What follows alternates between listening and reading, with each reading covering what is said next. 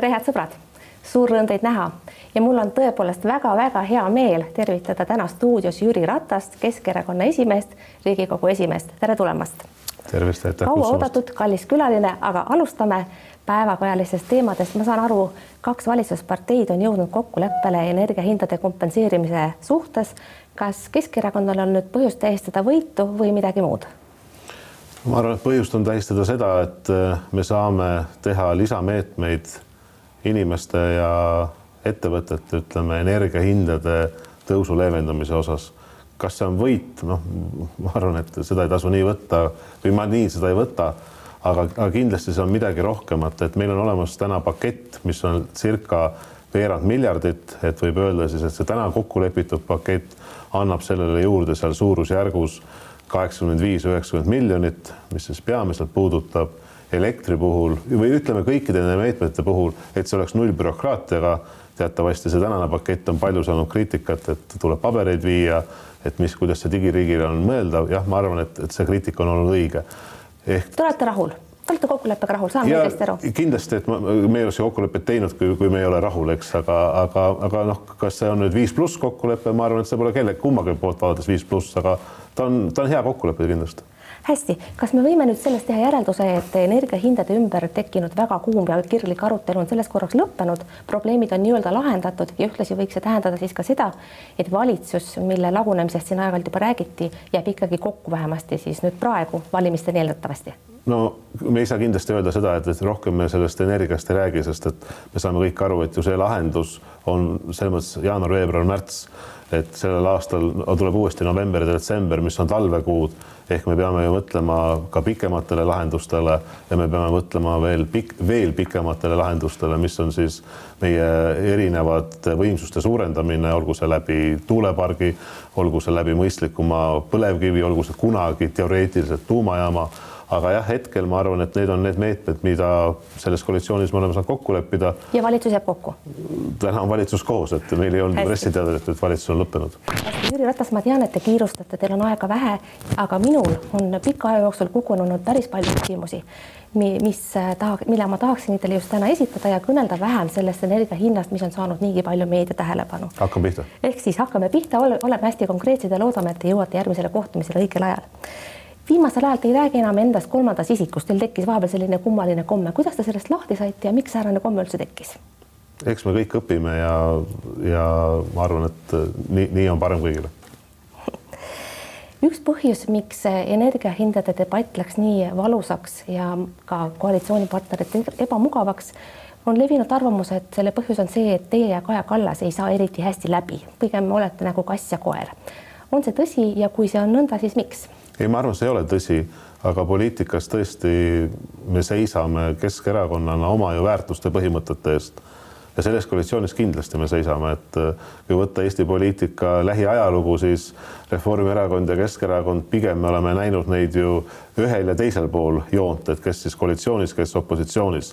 täna on selline koalitsioon saanud kokku, mis on Eesti, ütleme, kahekümne esimesel sajandil, seda on olnud kaks tuhat kaks, kaks tuhat kolm ja kaks tuhat viis, kaks tuhat seitse, et mitte väga-väga palju või väga-väga pikalt. aga jah, selles koalitsioonis, aga ma ütlen ka kohe laiendusega opositsioonis kindlasti Keskerakond soovib seista tugevasti oma põhimõtete ja oma toetajate eest. Ja me loodame, et kokkuvõttes see on kogu, kogu Eestimaa inimeste eest, aga selge on see, et nähakse neid ka energiakriisis, neid lahendusi väga erinevalt. See on täiesti arusaadav, sellega üldse ei vaidle keegi, kuid ma ei küsinud seda ka mitte päris ilmaasjata, et sellel ajal, kui te olete olnud Riigikogu spiiker, on äh, Kaja Kallast valitsusjuhina Riigikogu saalis korduvalt alandatud ja mõni juhtum on olnud erakordselt markantne. ma ei hakka ette tooma nimesid ega tsiteerima, kuna ma ei soovi seda au teha mõnitajatele, kuid teie Riigikogu esimehena ei ole Kaja Kallase kaitseks välja astunud, miks?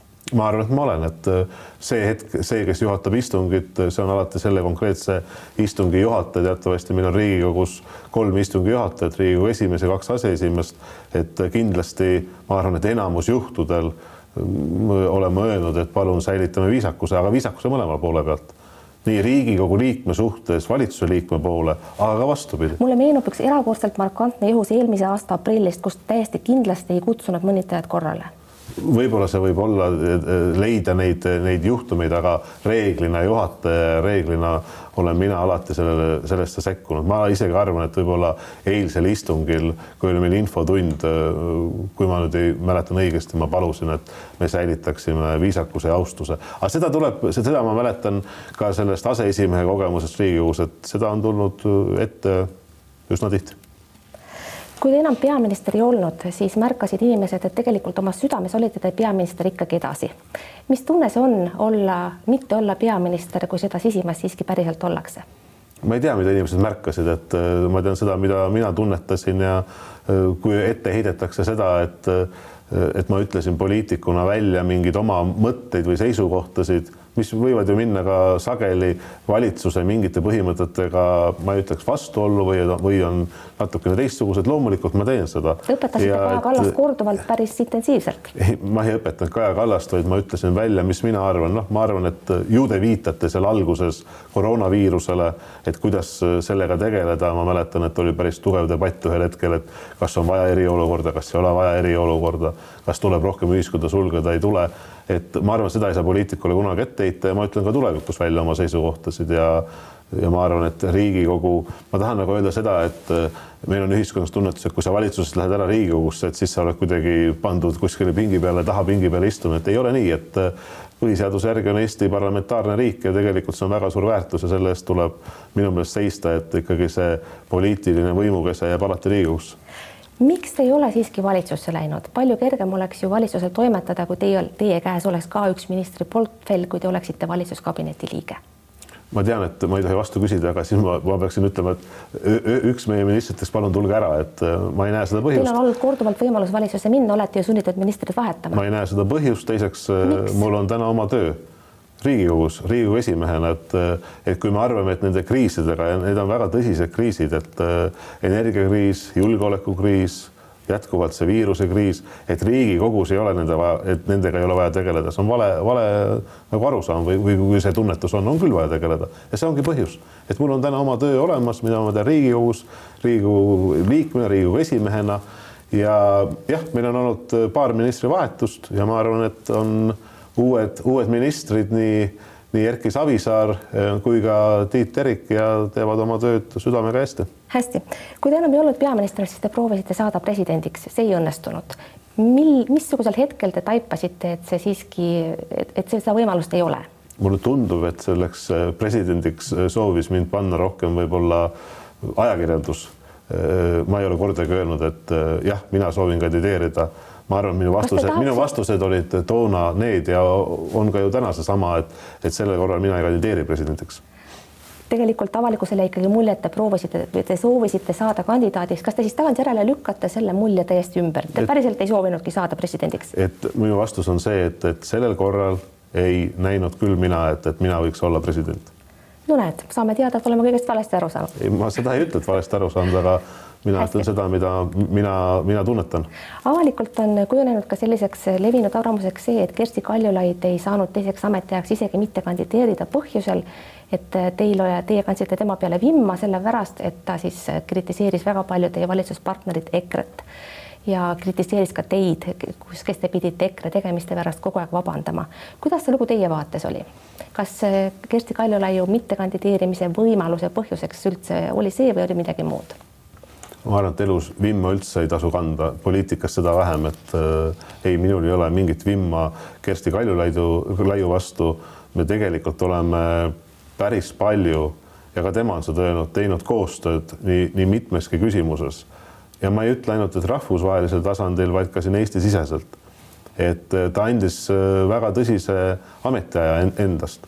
see, miks äh, on täna Alar Karis president, ei sõltu Eesti riigis ühest või kahest inimesest, see sõltub ikkagi Riigikogust. ja sel hetkel, kui me korraks mõtleme tagasi ennast eelmise aasta augustisse, oli ju selge, et ei ole Riigikogus äh, viie erakonna hulgas äh, neid äh, erakondasid, kes suudaks sinna anda kuuskümmend kaheksa häält. ma arvan, ma ei eksi, kui ma ütlen, et tegelikult oli ainult üks erakond see oli Sotsiaaldemokraatlik Erakond, kes ütles, et nende kandidaat on Kersti Kaljulaid. hästi, meie aeg on väga piiratud, aga mul on küsimusi veel palju. vabandust katsume olla hästi konkreetsed, et jõuda ikkagi sinnamaani välja, kuhu tahaks jõuda. kui te moodustasite oma esimese valitsuse, siis esimene aasta läks nagu ta läks kogenematutel inimestel ja erakondadel ikka, kes pole pikalt valitsuses olnud, kuid teie teine aasta, esimese valitsuse teine aasta oli minu arust suurepärane. Teist sai avarapilguline poliitik või vähemasti mees, kellest võiks saada avarapilguline poliitik. tuli aasta kaks tuhat üheksateist ja kõik muutus. Teist sai äkki üks hoopis teine mees. kuidas see teie enda vaates sündis? No ma saan aru, et teie panete selle konteksti, et tuli uus valitsus kus oli siis Isamaa, EKRE ja Keskerakond. ma väga vabandan, aga seda tänast intervjuud vaatavad kindlasti väga paljud Delfi vaatajad ja needsamad äh, Eesti inimesed, sealhulgas ka Delfi vaatajad, valisid uue Riigikogu.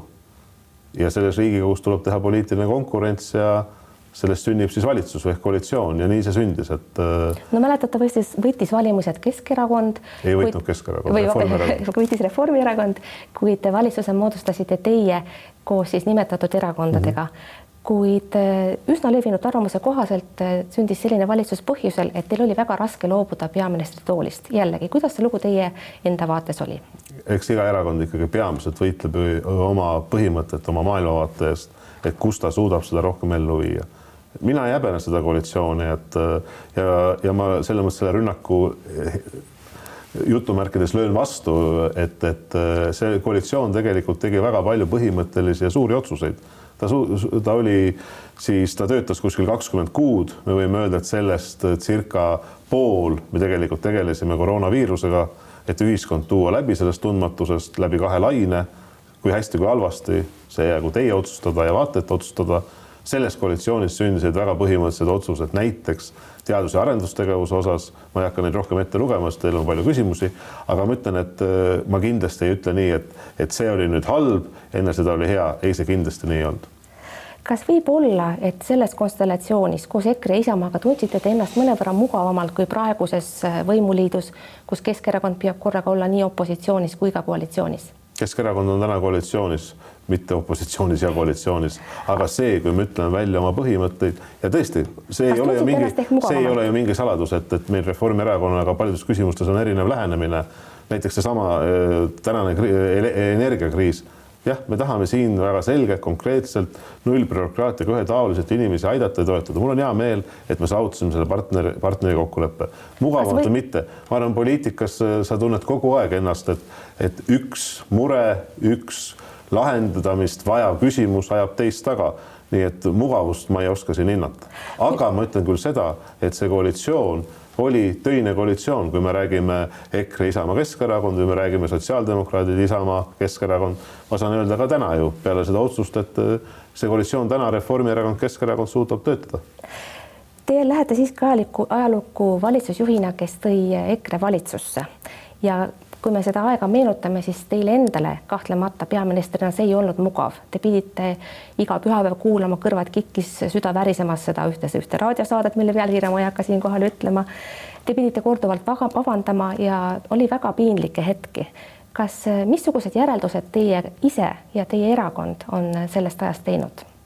ei no kokkuvõttes erakond saavutas selle kahekümne kuuga, ma arvan, päris palju et äh, see on ju teie õigus öelda, et, et see läheb nagu negatiivse poole peale, mina seda ei jaga, seda seisukohta, ma arvan, et tehti väga palju suuri otsuseid, äh, häid otsuseid Eestimaa inimestele äh, Eestimaa elule, ma ei tea, võtame kasvõi siseturvalisuse, kus Politsei- ja Piirivalveameti hooneid tehti palju korda, mida ma õppisin, ma arvan, et küsimus on selles, et mida tegelikult kogu see koalitsioon õppis. Ja selge on see, et kui sa oled koalitsioonis, siis ei tasu kogu aeg panna nagu koalitsioonipartnerit väga keerulisse olukorda, et ühel hetkel lihtsalt äh, see usalduskrediit äh, saab väga väga õhukeseks, nii et äh, noh, need saated, mida te nimetate pühapäeval, ma, mina pean tunnistama, et ma neid saateid pole kordagi kuulnud, aga ma olen nende saadete kokkuvõtet lugenud siis eh, meediapildist ja loomulikult, et eh, ma ei saa kuidagi nõustuda seal eh, paljude väljaütlemistega, mis käis vähemuste kohta, et need tuleb kuhugi ära saata, mis käis teiste riikide kohta, teiste riikide juhtide kohta ja seda ma ka väljendasin, et poliitikuna seda tulebki väljendada, et, et sellega mina ei ole nõus. hästi räägime mõne sõna Porto Francost, mille, millest viimasel ajal pole uudistes palju materjali ilmunud, uurimine kestab ja varem või hiljem see kuskile jõuab mm. -hmm. ilmselt ei saa see uurimine ja kogu see avalikkuse silme ees toimuv kohtuprotsess olema Keskerakonnale kuigi mugav. noh, natukene utreeritult, kui see asi hakkab mingisuguste tulemusteni jõudma milleks te ise valmis olete, kas olete valmis näiteks vangi minema, no see on võib-olla üle vindi, aga näiteks isiklikku vastutust võtma Keskerakonna juhina. palun täpsustust, miks te silmas... vangi saadate inimest? Ma, ma pean silmas, et kahtlustuse on saanud Keskerakond parteina, teie juhitav erakond ja seesama KredExi laen, mis anti teie juhitavas valitsuses Porto Francole juba enne, kui pomm lõhkes, on siiski sündinud ka teie juhitava valitsuse otsusena ja see puutub ka sellesse kriminaalasjasse. see on, see on pigem siin küll kujund, aga küsimus on iseenesest, missugust vastutust olete teie sisimas valmis võtma? ei, ma arvan, et see on nagu väga, väga võimas kujund, mis te ütlesite ja ma arvan, et see on üle võlli kujund, eks ju, et. aga milleks olete valmis? kõigepealt esiteks see on natukene, natukene sassis, mis te rääkisite, et jah, Keskerakond kui juriidiline isik on täna saanud kahtlustuse. teiseks Keskerakonna peasekretär toonane on samuti kahtlustuse all. nüüd, kui te räägite sellest valitsuse otsusest, mina sellest ei tea palju, minu teada see, see, see on seotud siis selle ütleme siis tingimustega ja seal on see vaidlus toonase rahandusministri nõunikuga või see, või see kahtlustus. nii, nüüd äh, loomulikult Keskerakond on selles protsessis valmis ennast kaitsma, tugevasti kaitsma. kui te küsite vastutusest, vastutuse ma võtsin eelmise aasta alguses, astusin tagasi peaministri koha pealt. ja Jüri Ratas selles kaasuses ei ole kahtlustatav. see on mulle teada, see on mulle teada. aga noh, ma mõtlesin, et kui te saadate siin saates juba personaalselt inimesi vangi, siis see on väga võimas statement muidugi. ei saada kedagi vangi, see ei ole üldse minu võimuses. sellega seoses tahaksin küsida avalikkusele on jäänud segaseks, miks te kirjutasite maja näiteks oma abikaasa nimele? ei, mina hakkasin teie stuudios oma isiklikke asju lahkama. Need on pereküsimused. hästi, aga räägime siis veel kord teie rahaasjadest ja ka korruptsioonist, mis alati Keskerakonna seostub. kui te saite erakonna juhiks, siis oodati teil teilt, et te teete need rahaasjad nii-öelda korda. kuid kui Porto Francole lisaks meenutada Jana-Helen Juhastet, meenutada Meatfieldi ja veel teisigi selliseid ähm, lugusid, et Porto Franco neist on prominentsem, siis selgub, et seda ülesannet te siiski pole suutnud täita, erakonna rahaasjad on haprad ja uurimisi, uurimised kestab näiteks selles samas Porto Franco asjas kindlasti toob alanud aasta siin teataval viisil selgust. miks ei ole teil suutnud, miks ei ole te suutnud seda ülesannet siiski täita? ma arvan, et Keskerakond on väga palju muutunud paremuse suunas. kas kõik asjad on lahenenud? ei ole lahenenud. kui te räägite Meadfieldist, siis te lähete aastasse tagasi ja seda tuleb ju siis täpsustada kaks tuhat üheksa või kaks tuhat viisteist. seal on kaks kohtuasja jätkuvalt Keskerakonnal pooleli erinevates, erinevates astmetes. loomulikult me seisame seal enda eest, kui need kohtuasjad lõpevad, siis me käitume vastavalt kohtuotsusele. ma olen alati öelnud ja ütlen ka täna, et, et ma usaldan Eesti õigussüsteemi, Eesti on õigusriik ja need asjad sünnivad kohtus. tõsi, mõned teie näited on olnud ka minu ajal. Te tõite näiteks siin ühe naisterahva eh, Tartus ja selle, selle annetuse. teatavasti Keskerakond kandis selle annetuse tagasi, see inimene ei ole enam Keskerakonna liige ja Keskerakond selles protsessis ei olnud kuidagi kahtlustatuna sees, nii et ma arvan, et see ei ole päris õige siia sellesse eh, loetelu tuua. nüüd Porto Franco, jah, siin ei saa midagi öelda, et, et Keskerakond võttis poliitiliselt väga suure vastutuse. täna õiguskaitseorganid teevad oma tööd. meie oleme tutvunud selle kahtlustusega, me arvame, et meil on tugevad positsioonid, me oleme valmis ennast kaitsma ja nii see ongi ju, et kohtusüsteemis, kui see jõuab kohtusse siis erakond peab ennast kaitsma. arusaadav, paar sõna Mailis Repsist, kes oli Keskerakonnas väga tugev poliitik, teie parem käsi, temast oleks võinud saada president, praegu on ta uurimise all. mis, mis, mis järeldused teeb erakond sellest, kui näiteks tõesti Mailis Reps mõistetakse süüdi, mida see erakonnale tähendab, kui peaks nii minema? no see tähendab väga rasket otsust, et äh, ta on olnud, nagu te ütlesite, Keskerakonnas ju väga pikalt, on olnud väga pikalt äh, juhtivatel ametikohtadel ma tahan ka siin öelda, et me ei saa jätta tema tööd, mis ta on teinud haridus- ja teadusministrina, mitmekordse haridus- ja teadusministrina äh, kuidagi öelda, et seda pole midagi olnud, et on ainult olnud see tänane kaasus. ma arvan, et ta on teinud ka väga palju nagu õigeid ja olulisi asju Eesti haridus- ja teaduspoliitika valdkonnas. see samamoodi, me teame ju, et see asi, see juba on kohtus, kohtuistungid vist on alanud, hakkavad käima nii et ootame selle kohtuotsuse ära, et, et Hästi.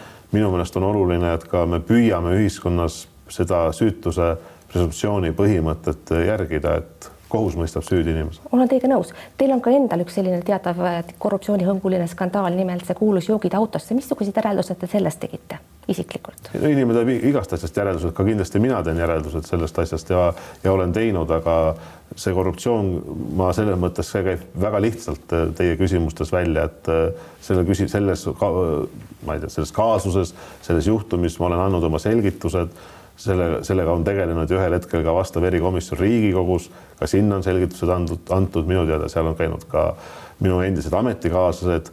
ma ei tea, et seal oleks öeldud, et, et see on korruptsioon, aga loomulikult kõikidel sellistel juhtumitel tuleb, tuleb õppida ja tuleb võib-olla mingeid asju siis teha teistmoodi, aga ma ütlen, et seal ei olnud mingit rikkumist ja nagu ma olen öelnud, et ma panin oma hinge sellesse peaministri ametisse ja ma pidasin seda tõesti aktiivselt ja pidasin oluliseks ka inimesi meeles pidada.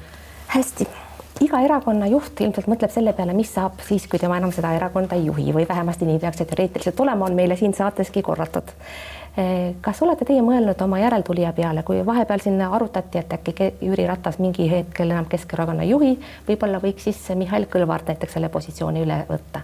missugused need arutelud on Keskerakonna sees olnud ja kuivõrd näeksite Kõlvartit oma järglasena parteijuhi kohal?